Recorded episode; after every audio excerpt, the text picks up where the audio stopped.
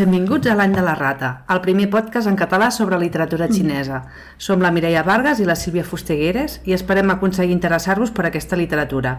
Us recordem que entre emissió i emissió ens trobareu a Instagram i a Twitter amb el nom l'any de la rata. Doncs bé, s'acosta el Nadal i per això hem pensat avui fer un episodi una mica especial. Volíem fer un episodi amb gèneres que puguin ser regalables, que siguin diferents dels que hem anat comentant fins ara i que també puguin incloure altres perfils i, o altres edats de lectors. I per això avui tenim aquí un, un convidat especial que ens fa molta il·lusió tenir-lo, és l'Antonio Pauliello. Hola, noies. Ells... Moltes gràcies per convidar-me. De fet, ja, ja reconeixeu la seva veu perquè va fer la interpretació del Gumingui, o sigui que ja és una mica de, de la casa. L'Antonio és, a més a més de, de fer d'intèrpret esporàdic, és um, traductor del xinès, sinòleg, especialista en literatura, uh, professor a la Universitat Autònoma de Barcelona, company nostre al XIC, vull dir, Fa de tot, Antonio. Una mica de tot, com, com tothom. D'on treus el temps? Val, doncs el motiu per convidar també l'Antonio és que de cara a Nadal i tot això, i a, fer, a tractar un còmic potser més, uh, més ara se'n diu amigable, no? però més, més, més fàcil, més proper, és que avui volem parlar-vos de còmics o, com si voleu dir, novel·la gràfica o... I dins d'això també dedicarem una mica d'atenció al, al manga, el manga, manhua, com en vulgueu dir. Ara, ara després en parlarem d'això. El, en direm còmic per abreujar. És un gènere no, que s'està estabilitzant i que està creixent al mercat editorial castellà, perquè en català tenim molt poqueta cosa i caldria buscar una mica per veure si trobàvem una traducció directa del xinès al català. Per una banda, per exemple, ja s'estan publicant sagues que s'estan consolidant i que, per tant, impliquen una traducció de 3 o 4 volums anuals, això no passa en altres gèneres, i, i fa que sigui més fàcil o més vendible. I podríem dir que, que a partir del 2022 és quan realment hi ha l'explosió de manhua en castellà, amb, amb obres com per exemple Grandmaster of the Money Cultivation, de Motao Zhuxu, que és, són traduccions directes del xinès del Javier Altayó i que ja ha arribat al volum número 5. També hi ha, per exemple, The Monster of Memory, de Mae, i també en traducció directa de Javier Altayó, que ja té tres volums. Després podem trobar Soulmate, de Wenger Leeds, amb traducció de Javier Villarroel, i Nine Lives Man, de Wallowing Light que no sé ben bé qui l'ha traduït. Uh, L'Altaio també. També et sabia sí. molt bé. Avui fas el pleno. I en una, altra, en una línia una mica diferent, no? perquè el que hem dit fins ara és el que s'assemblaria més a la tradició dels mangas, no? està clar que hi ha una influència, etc etc. En aquesta línia més diferent tindríem, per exemple, El rei mono, de Chaiko, que és una adaptació del viatge a l'oeste a partir d'una versió còmic francesa i també tenim el Juez Pau de Nie Chung Rui. Tu, Mireia, aquest... Jo aquest justament el Juez Pau el vaig agafar a la biblioteca sabent que teníem aquest episodi i l'he deixat a mitges, la veritat, aquí crec que ho puc confessar. Um, no sé si és pel gènere, no sóc gaire lectora de còmic i m'ha costat entrar-hi i llavors la trama tampoc no m'acabava d'interpel·lar. N'hi ha diversos del Juez Pau, el que vaig agafar jo era El rei de los niños, Llavors, bueno, em va semblar una trama, no sé, no m'agradaven com estaven tractades les figures femenines, em semblava una mica massa tòpics, no? I, mm -hmm. i no, no, no, no, no he prosperat, ja us dic, eh, una mica de tot. Uh, en aquest cas, el, el Juez Pau agafa com una perspectiva històrica. Llavors sí que intenta reproduir, com no, no recordo quin, quin quina dinastia i llavors coses així més, més de la d'altres èpoques històriques de, de la Xina. Però bueno, jo crec que el que veiem amb aquests, per exemple, el Juez Pau o el Rei Mono, és que hi ha còmics que són de temes més tradicionals, o per exemple amb el Grand Master of Demonic Cultivation, no? que, uh -huh. que inclou també arts marcials. Tu aquest l'has llegit, Antonio? El coneixes? Sí, aquest el conec. Aquest és un, és un còmic molt curiós per mi perquè és d'un gènere que es diu Tanmei, que es podria traduir una mica com a bellesa decadent i són còmics, generalment són adaptacions en còmics de novel·les que es publiquen a internet a la Xina i, i com que tenen molt d'èxit, se'n fan còmics, se'n fan sèries de televisió, etc.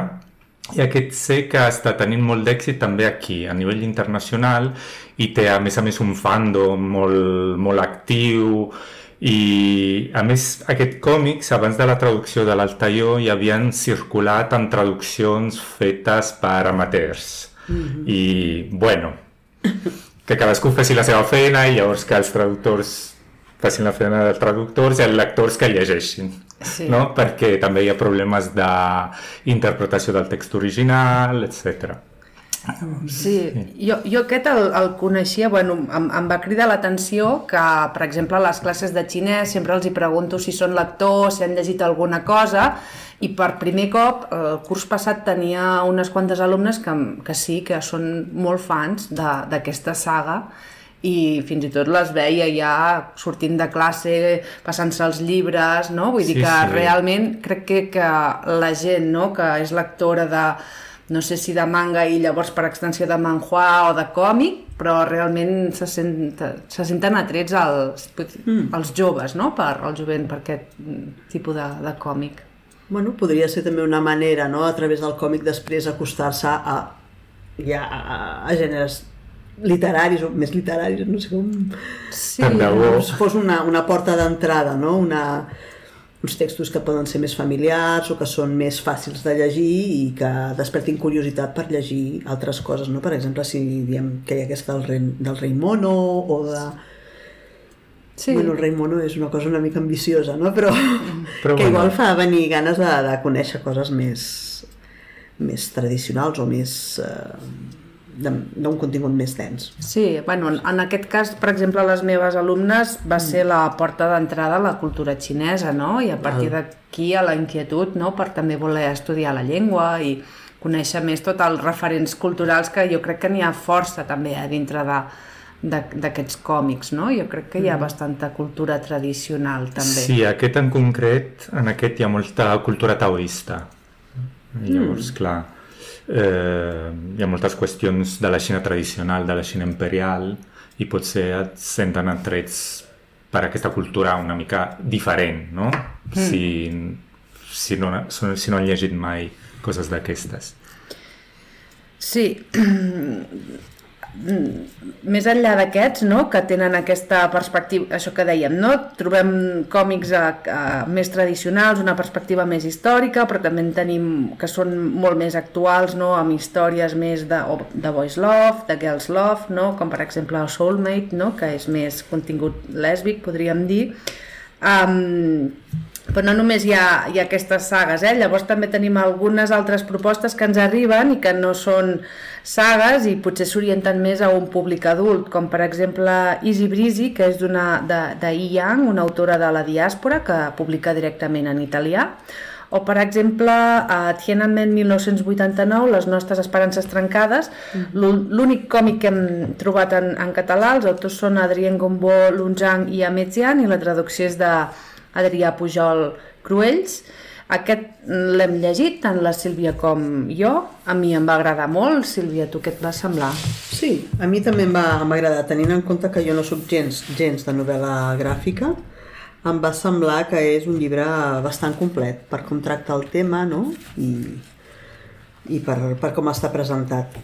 Sí, uh, un, de, un dels autors és supervivent del, dels fets de Tiananmen, de la massacre, llavors, clar, s'ha de tenir en compte que està ben narrat perquè hi ha aquest punt de vista no? d'algú que ho va viure um, i això, a mi em va semblar que estava ben, ben construït i ben, ben, ben traduït mm. també i em, em va agradar bastant i de fet l'he recomanat a altres persones i també els hi ha agradat, eh? o sigui que jo crec que és, és un llibre que em sembla regalable, no? Si, per exemple, teniu a prop joves que estudien xinès o estudis d'Àsia Oriental, perquè el que també ens trobem, no? l'altre dia com comentàvem amb la Sílvia, que els fets de Tiananmen de 1989, a mi, per exemple, ja em queden que jo era molt petita, però és que el, el, les persones, no? els joves d'ara, ja els hi queda del segle passat, és que és així, sí, no? Sí, sí, literalment.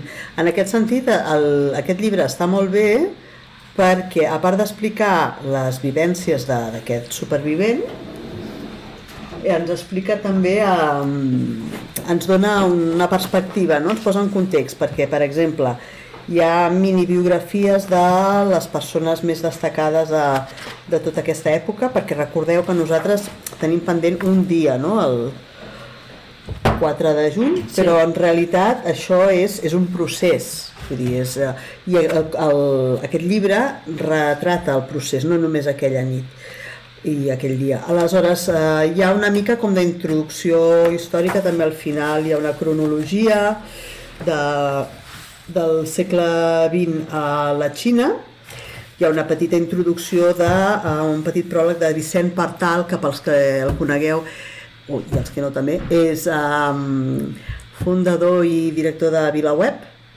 és algú amb un recorregut, és periodista, és un, amb, amb un recorregut molt llarg i de fet ell estava a Tiananmen cobrint la visita de Mikhail Gorbachev i va ser un dels que bueno, van anar allà a cobrir una cosa i es van trobar amb una altra i van acabar cobrint els fets. Um, aleshores és, és un llibre interessant des del punt de vista de què és una novel·la gràfica, però també des del punt de vista com a, eh, de la introducció històrica a un fet que comença a quedar enrere i que, com deia la Mireia, els joves d'avui dia ja no ho coneixen.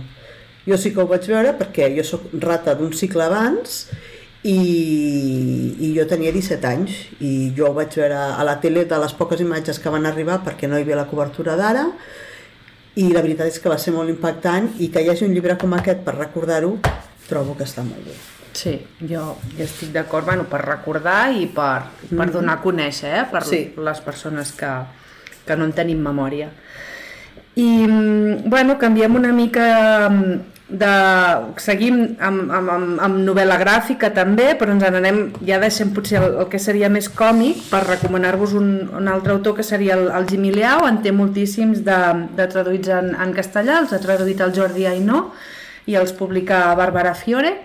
I bueno, és un autor que jo crec que pot eh, agradar a moltes edats des de, té algun mm, de fet té algun llibre que no té text vull dir que ben acompanyat doncs, pot ser per un públic infantil eh, si, si, els, si els adults els hi expliquen i els acompanyen perquè toca temes que són una mica profuns, no? Parla molt de sentiments a través de la imatge i a través de, del text. Antonio, tu també, tu també l'has llegit, el Jimmy Sí, jo me recordo que el vaig llegir quan estudiava xinès i el vaig trobar molt poètic, sí, com a, com a autor, no només els dibuixos, també eh, els textos, em va agradar moltíssim. Ara fa molt que no, no en llegeixo d'obres seves, però sí que em va agradar molt. Sí, que no es tiri enrere el fet que siguin àlbums il·lustrats, vull dir, és, bastant, és més per públic adult Sí. que per públic infantil, tot i que jo sempre penso que et permet compartir moments, eh, si teniu infants a casa, però sí que és això, eh, parla molt de sentiments, molt sovint també hi ha nens i nenes sols, oi, que els, i veus coses que els hi passen i reflexions que fan, bueno, no sé, a mi també... Sí, el tema de la solitud també és molt, és molt present. Sí, no sé si és perquè ell, bueno, per vivències pròpies seves i, mm -hmm. bueno, és, un, és tot molt, molt profund i molt, molt tendre també. Els, Sí. és, és, són molt macos els llibres del, del Jimmy Liao, o sigui que a veure si també algun editorial s'anima a, a fer-los en català, perquè la veritat és que cada cop que ve a presentar algun llibre eh, hi va molta gent. Uh, Sí, se- sempre tenen molt d'èxit. També a Itàlia es tradueix molt i a la gent li agrada, sobretot a un públic adult. Eh? És això que deia la Mireia. Sí, és curiós, perquè jo no l'he llegit, no?, i no sé per què m'havia fet la imatge que era una cosa més per un públic més infantil, no?, però preparant el podcast i pel que m'heu dit vosaltres, sembla que és totalment eh, apte per, vamos, apte per tots els públics, en Sí. realitat. Sí, de fet, jo abans d'arreglar-ne a la meva filla vaig pre preguntar-li al traductor, el Jordi Ainó, Eh. que és professor també de la, és de la Universitat Pompeu Fabra, ell, i li vaig dir, quin li agafo? I em va dir, mira, em va dir dos o tres, ara Sí. no me'n recordo quins, eh? però justament per això, eh? perquè n'hi ha que les reflexions ja són d'un nivell de profunditat que, que, que l'infant gaudirà de la il·lustració, però no acabarà d'entendre el, el text. Aleshores, jo, tornant una mica enrere, al tema dels mangas, manhuas, tot això, no? Um, els nostres oients segurament estan més familiaritzats amb, amb el manga, o amb el terme manga, que amb el terme manhua, que és el que seria el còmic xinès. Quines diferències hi ha més enllà de l'origen, Antonio? Val, depèn una mica de, de l'origen del manhua. Uh -huh. Si és un manhua, de la, per exemple, de la Xina continental, uh -huh. la primera gran diferència amb el manga japonès és, eh, és la manera de llegir-lo. O sigui, es llegeix com un llibre occidental, Val. en canvi, per exemple, si és de Taiwan o de Hong Kong, es llegeix... L'última pàgina seria la primera, com el manga japonès. Aquesta diria que és la primera gran diferència. Després, potser el manhua taiwanès té una influència més gran del manga japonès. No hem d'oblidar que Taiwan va ser colònia japonesa durant 50 anys, des de 1895 fins al 45, 1945. I llavors, clar, van rebre moltíssima cultura taiwanesa també, eh, perdó, eh, japonesa i també eh, cultura de novel·la gràfica o de, de manga. Eh, a més a més, a Taiwan va passar una cosa molt curiosa, que eh, als anys 60 hi va haver una llei, una llei de censura que no permetia eh, la publicació de novel·la gràfica local, diguéssim, taiwanesa. En realitat no, no, es podia, eh, no es podia publicar manga tampoc. Però, clar, el manga va arribar així com una mica, sí, de magatotis, i es van començar a publicar mangas piratejats, amb traduccions superpiratejades, etc. Però això va fer que els lectors de llavors es van poder apropar al manga japonès i molts d'aquests lectors després es van convertir en autors de manga. Llavors la influència és molt, molt gran. Clar. I pel que fa al manga de Hong Kong, a mi em passa una cosa, que quan en llegeixo, primer no sé mai si el manga que llegiré està en xinès estàndard o en cantonès. I una cosa molt diferent és que, per exemple, les onomatopeies sempre estan en anglès. I això és molt curiós, Ah. perquè, per exemple, el manga xinès o el taiwanès sempre estan amb caràcters xinesos, i el de Hong Kong no.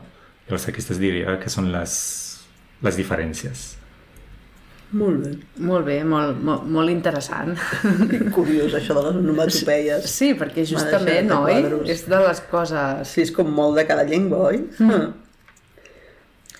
Um, abans n'hem estat parlant de- d'uns quants, hem dit tota una tirallonga de, dels que sabem que estan uh, traduïts al castellà, que mm, no patiu oients de l'any de la rata, us els posarem escrits també en el, en el post d'Instagram, uh -huh. uh, tots els noms per si us interessen, que sabem que a vegades és, és difícil, eh, si són noms xinesos, uh, però n'hem dit molts, n'hi ha algun d'aquests que tenim traduïts al castellà que t'agradi especialment, Antonio?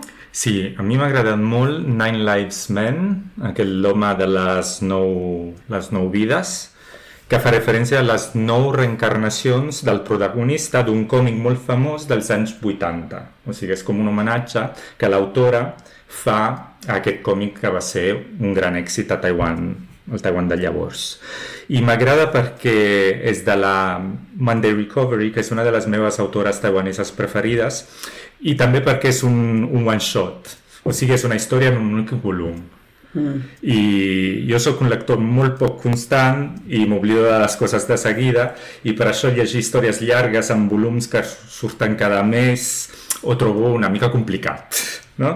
I també m'a- m'agrada perquè és una història força realista i jo sóc un amant dels còmics que s'anomenen Slice of Life no? i que parlen de la vida de cada dia, de gent que podríem ser nosaltres o els nostres veïns i on passen coses que cadascú de nosaltres ha viscut almenys un cop a la vida.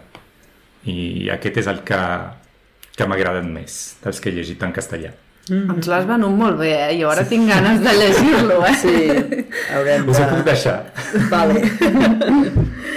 doncs ja, de- ja te'l demanarem. Um, tu ets traductor, però Sí. has traduït còmics, però tu els tradueixes a l'italià, Sí, que és la teva correcte. llengua, Sí. la teva, teva llengua materna. Aleshores, d'aquests que... Què, què has traduït? O, o n'hi ha algun que en, en concret que t'agradi més que els altres, d'aquests que has estat traduint? Val, jo he traduït només còmics taiwanesos i hongkonguesos. No he traduït còmic de la Xina continental. Eh, I he traduït una mica de tot, còmics molt diversos, des de la ciència-ficció barrejada amb l'òpera de Pequín, eh, fins a manhua biogràfics sobre la vida d'un pintor taiwanès molt famós, el Yang Sanglang, que va estudiar a París abans de la Segona Guerra Mundial, obres de que anomenaria de metaficció, o sigui, de còmics que van de còmics, a més a més. No? D'entre els taiwanesos, m'ha agradat moltíssim traduir Railway Sonata de Ruan Guangmin i Funeral Concerto de Rimo Yumin. El primer, el Railway Sonata, perquè relata quatre històries que passen a una, línia, a una de les línies històriques dels ferrocarrils taiwanesos eh, i és un manhua ple de poesia però també ple de repte, reptes per mi com a, com a traductor, perquè l'autor barreja el taiwanès amb el xinès estàndard, perquè hi ha molts jocs de paraules, i llavors va ser un repte. I l'altre eh, em va agradar perquè tracta un tema molt important del qual nosaltres crec que parlem molt poc, o sigui, la relació que tenim amb la mort la mort nostra o de les persones que estimem. I a més a més l'autora ho fa amb una delicadesa que trobo increïble. I llavors aquests diries que són els que m'ha agradat més traduir, segurament. I tens la sensació que es tradueix més còmic a l'italià que al castellà, per exemple? Perquè ara, amb això que ens has explicat, m'ha semblat com que hi ha més, més per triar, Sí. no? A Itàlia, potser... es tradueix molt més, hi ha moltes més editorials que es dediquen a la traducció de manhua taiwanès, sobretot, Vale. i es llegeix més també, possiblement. Sí, hi ha molts lectors de, de manhua. Generalment eren lectors de manga japonesos i ara s'estan apropant també al manhua taiwanès, sobretot. Però sí, es tradueix molt. Molt bé. Um, més enllà de, de traduir, ets lector de còmics? T'agrada llegir-ne? Eh, sí, he tornat a ser lector, diguéssim, de còmic, després de molts anys. Jo quan, quan anava a l'institut llegia manga japonès, també.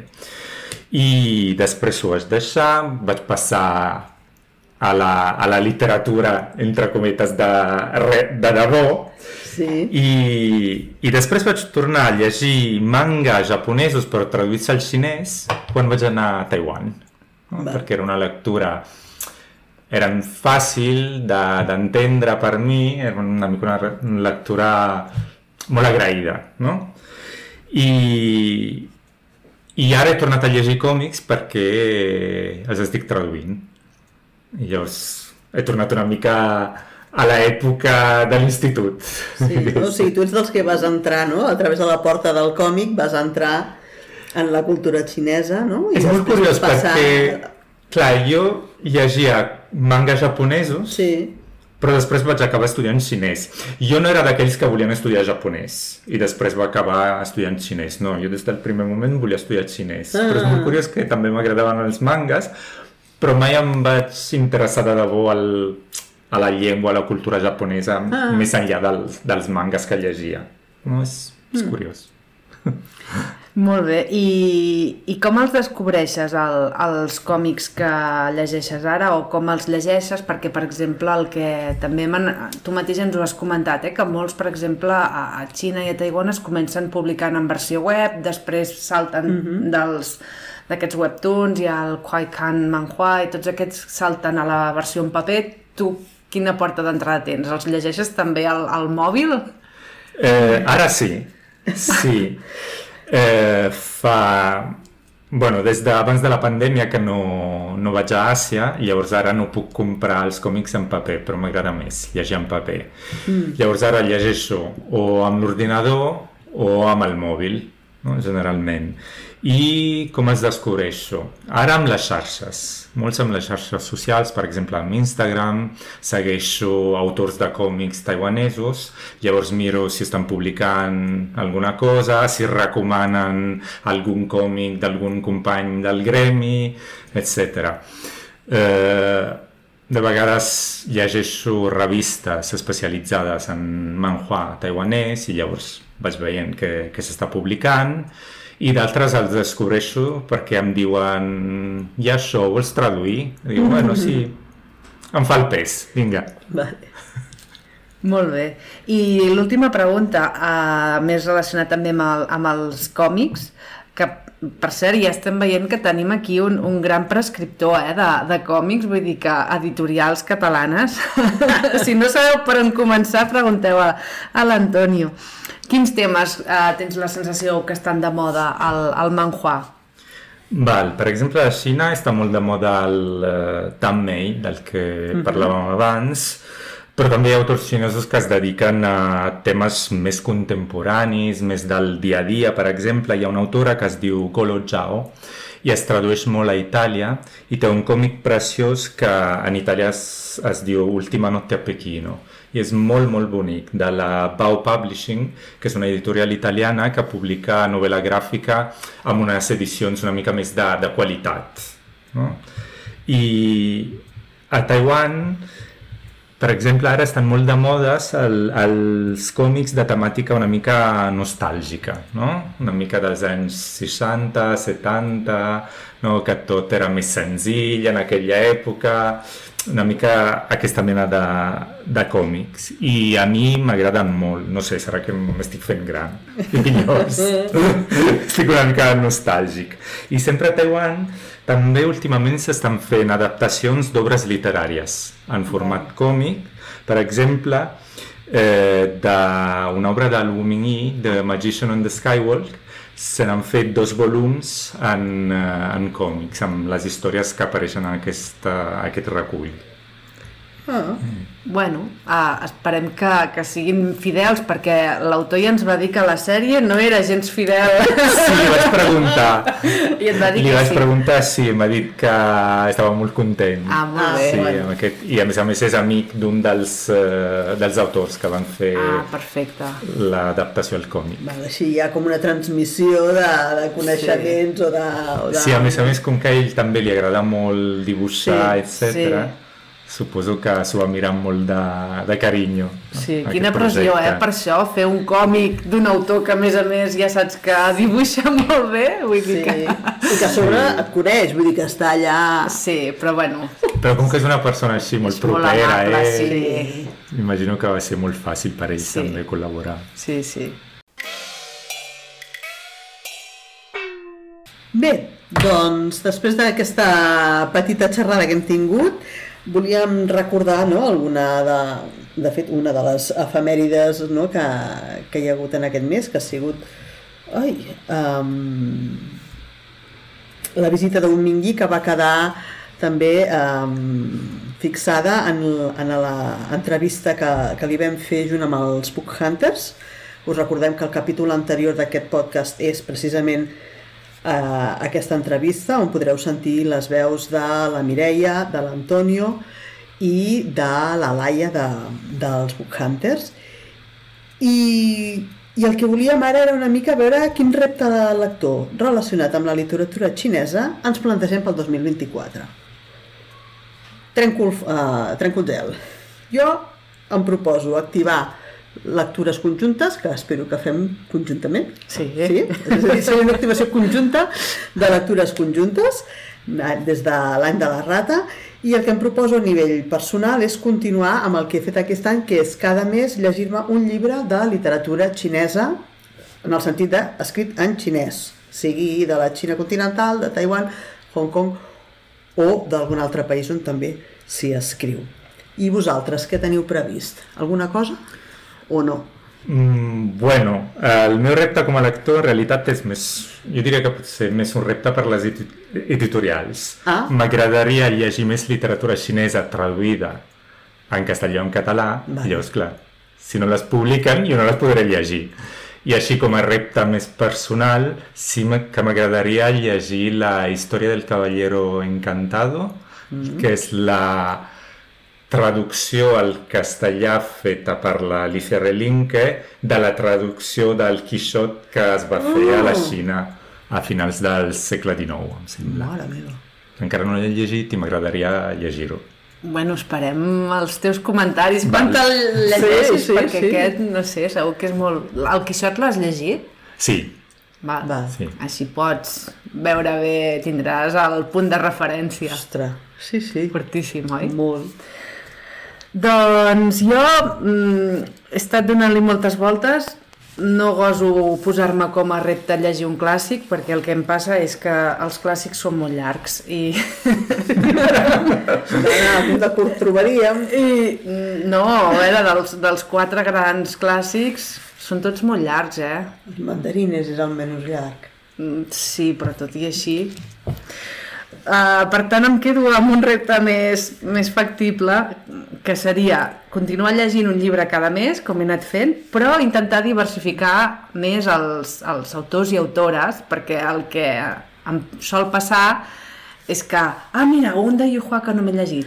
Ah, Vaig ja. molt a autors i autores que ja he llegit, no?, perquè sé que m'agraden i perquè són la zona de confort, potser, però, bueno, ja que estem fent el podcast també, doncs toca buscar més autors i autores.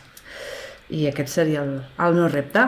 I res, amb això acabem el... bueno, no acabem amb això. En, amb això ens acomiadem a, a, el, de, del programa d'avui. Uh, us deixarem a una última recomanació especial uh, i el proper episodi ja serà el 2024, o sigui que, uh, que tingueu unes festes plenes de literatura xinesa, sinòfona. Sí, aprofiteu per llegir, preferentment literatura traduïda del xinès, però si no, és igual. Llegiu el que vulgueu, però llegiu i nosaltres ens tornarem a veure ja el, 2020. gener del 2024. Sí. D'acord?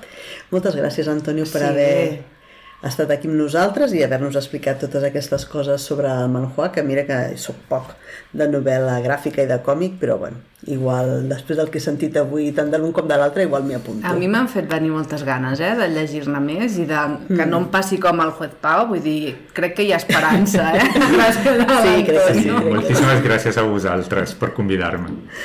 Doncs res, us deixem amb una recomanació especial. Fins la propera. Em dic Bruna, tinc 9 anys i sóc de Terrassa. El meu signe és el cavall i sóc oient de, de l'any de la rata. Avui us estaré presentant un llibre anomenat Esconderse en un rincón del mundo, eh, fet per un autor taiwanès, Jimmy Liao.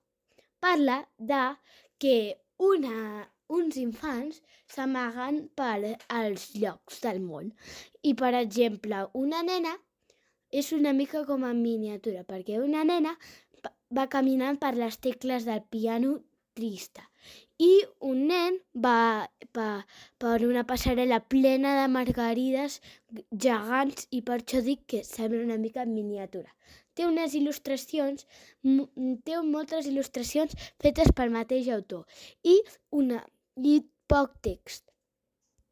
Ara m'agradaria llegir-vos un exemple, que és un nen que va en una, està en una caballa vermella envoltat de flors que d'amors colors i diu així Mientras estás sentado en un rincón del pabellón rojo puedes ver tus sueños. Ho recomano molt a aquelles persones a qui els hi agradin la, les, les il·lustracions molt colorides i boniques i les frases significatives i curtes. És un llibre que podeu regalar a nens i nenes a partir de 5 anys, i a, però a millor acompanyats. A mi m'agrada molt perquè té dibuixos molt ben fets i frases molt boniques. Adeu!